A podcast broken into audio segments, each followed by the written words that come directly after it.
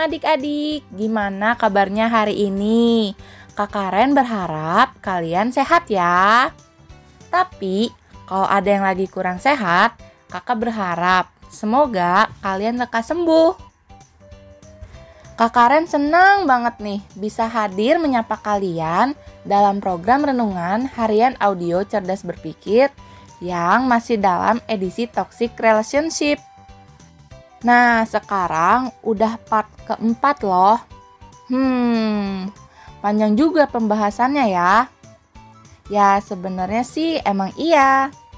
Edisi ini dibikin berdasarkan hasil wawancara dengan beberapa kakak-kakak. Tujuan utama dari edisi ini dibuat supaya kita bisa hati-hati sama orang yang berada di sekitar kita yang kasih toksik dan jangan sampai diri kita menjadi toksik. Jadi, dalam terjemahan bahasa Indonesia, toxic relationship berarti hubungan yang beracun. Maksudnya adalah hubungan yang kasih dampak buruk bagi diri kita. Bisa berdampak buruk buat perilaku kita, cara kita dalam menilai orang lain, suasana hati kita, dan yang lainnya. Yang part-part sebelumnya kan sudah dibahas beberapa. Nah, kali ini kakak akan ngebahas yang berikutnya nih, yaitu bikin gak jadi diri sendiri. Adik-adik, salah satu ukuran relasi yang menyenangkan adalah relasi yang membuat atau membiarkan kita menjadi diri kita sendiri kita bisa bebas jadi diri kita apa adanya tanpa harus berusaha hidup menjadi seperti orang lain. Sebenarnya, relasi kita, misalnya teman, itu boleh banget kasih saran dan nasihat supaya kita jadi diri kita sendiri yang lebih baik. Tapi, kalau relasi kita sampai bikin kita nggak jadi diri sendiri, sebenarnya itu nggak asik banget sih.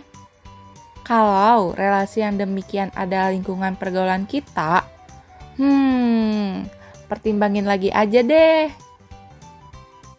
Nah, sekarang kakak akan kasih tahu dua hal yang bikin kita nggak jadi diri sendiri. Yang pertama adalah orang atau lingkungan yang suka menuntut kita. Yang kayak gini ternyata ada loh. Ada orang atau kelompok yang menuntut orang lain termasuk kita, supaya kita menjadi seperti mereka. Kalau mau main sama kami, kamu harus kayak kami. Harusnya kamu kayak aku dong. Dan masih banyak lagi.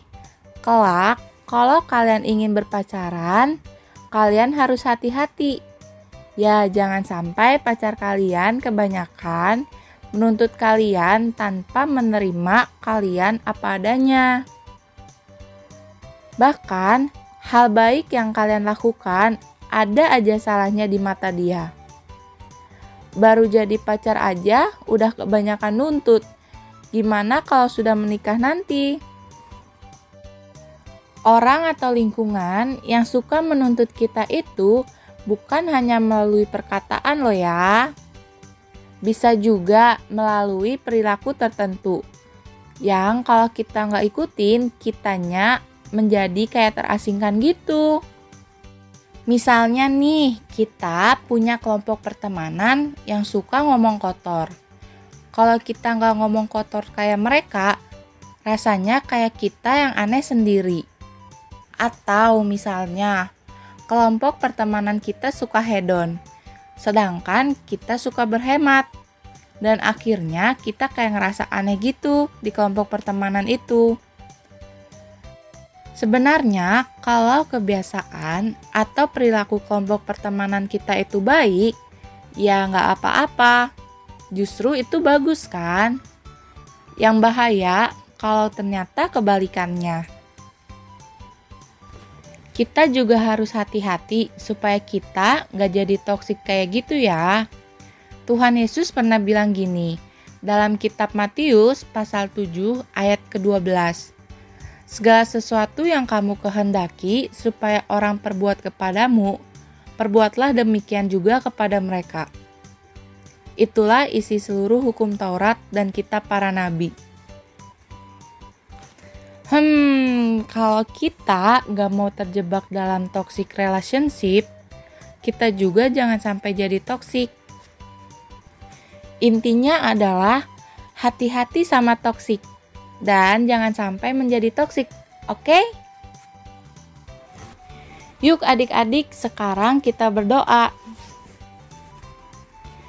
Tuhan Yesus, terima kasih atas waktu yang telah Kau berikan kepada kami untuk kami dapat mendengarkan sebagian dari renungan firman-Mu.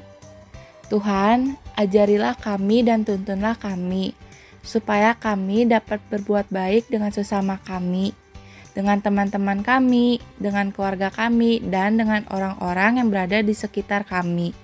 Supaya jangan sampai kami menjadi orang yang toksik atau orang yang beracun untuk orang lain. Tuhan, ajarilah kami supaya kami dapat berperilaku sesuai dengan firman-Mu. Terima kasih ya Tuhan.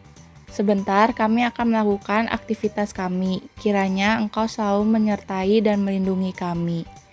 Dalam nama Tuhan Yesus, kami telah berdoa dan mengucap syukur. Haleluya. Amin.